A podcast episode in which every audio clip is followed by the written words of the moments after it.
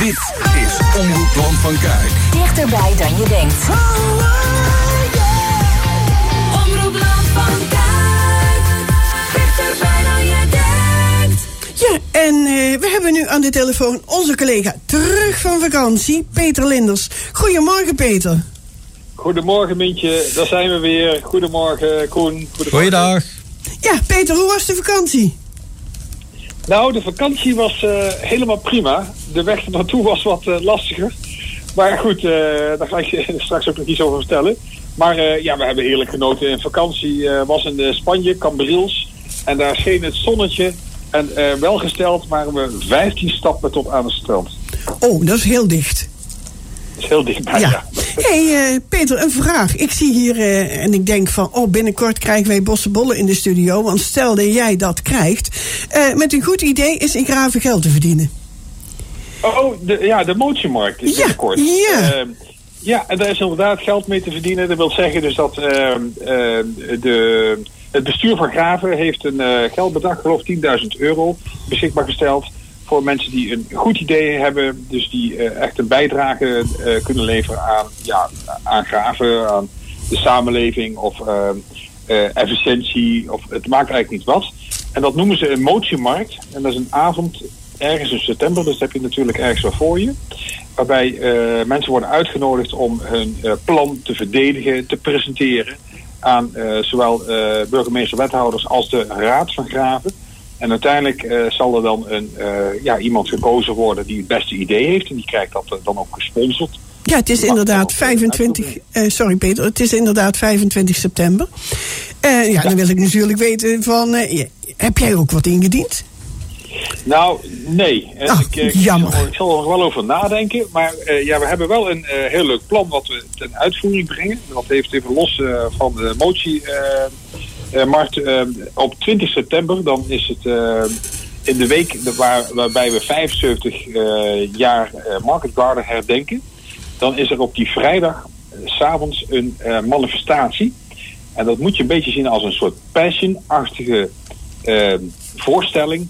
Maar dan helemaal in het teken van eh, de bezetting en de bevrijding in Graven.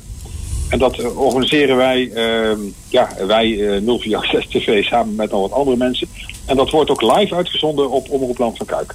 Nou, kijk, daar gaan we binnenkort nog een keer meer van horen. Ja, gaan we er meer over vertellen. Ja, en eh, dan hebben we ook eh Graven gaat voor een deel de lucht in, hè?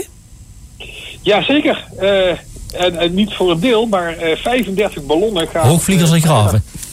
Ja, er wordt gevlogen in Graven. De vlieger gaat op in Graven. Vrijdag en zaterdag aanstaande. Ehm, vanaf 4 uur is het Ballonfestival in Graven voor de tiende keer.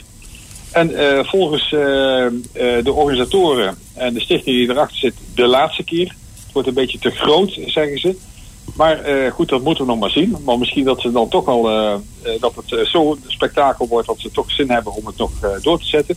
Maar ja, dat zien we wel. Maar in ieder geval de tiende keer. En dat wil zeggen dus dat er 35 ballonnen, hete luchtballonnen, gaan het luchtruim in. En zelfs hele bijzondere ballonnen. En dat eh, is allemaal eh, vanaf de Koninginnendijk in Graven. Dat wordt een spektakel met duizenden bezoekers. Je kunt nooit van tevoren zeggen, Peter, waar ze heen vliegen, hè? Nee, ik ben zelf een keer mee geweest. eh, was ook voor Omroep Land van Kuik. Ik had de camera bij. En, en toen ben ik uiteindelijk geland met het ballon. Of we zijn beland, geland in de Maasheggen. En dat was ook wel spannend, hè, met al die heggetjes. Oh ja, ja. Dus, eh, maar eh, wel heel mooi, dus dat we eh, ja, zo over het land van Kuik heen vaarden. Dus, want je vliegt niet, hè, je vaart. En uiteindelijk land je, en het was heel spannend, van land je dan nog voor de Maas of achter de Maas in Gennep.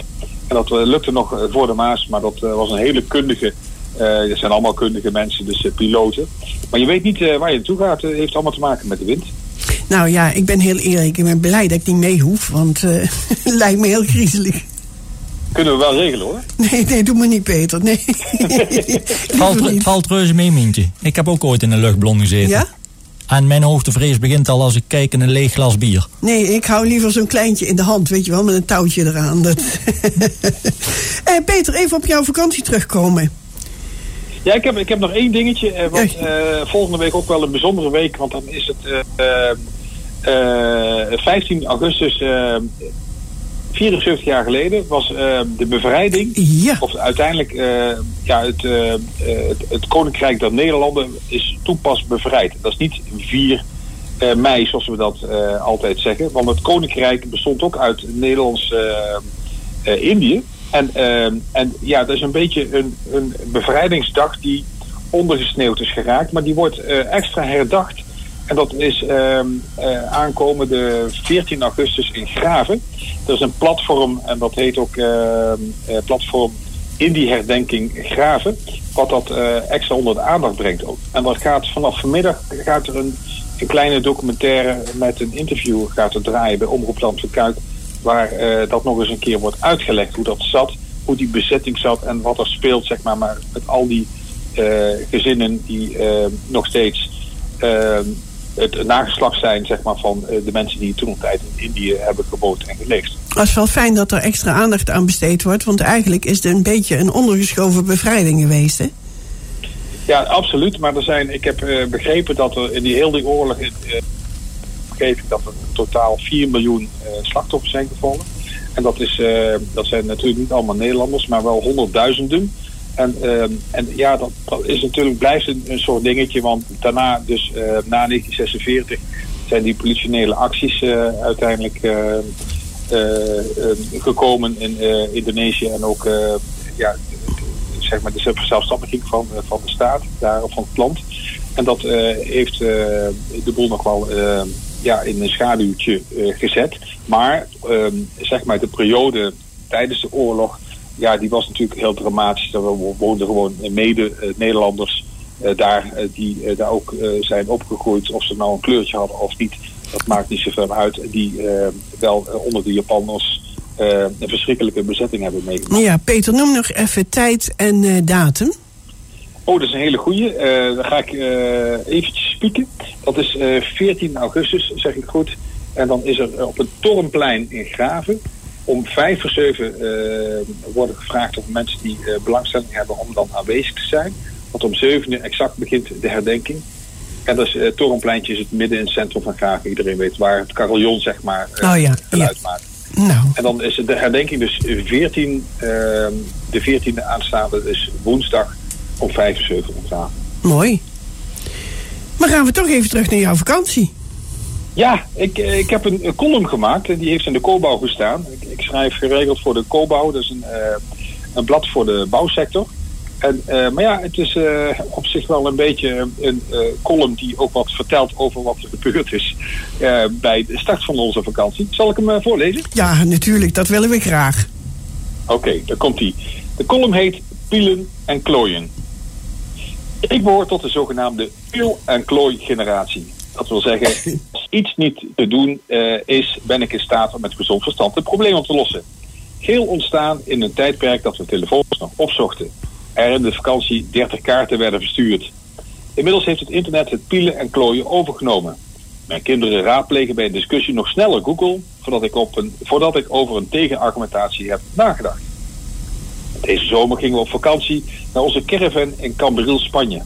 Onderweg naar het vliegveld werd duidelijk dat de meeste van de kids meer bagage hadden ingepakt dan de gemaximaliseerde 8 kilo. Dus in het busje snel online extra ruimbagage bijgeboekt. We hadden nog precies 15 minuten om op het vliegveld een extra koffer te kopen, over te pakken en deze in te checken. De lange rij voor de balie deed ons de nek om.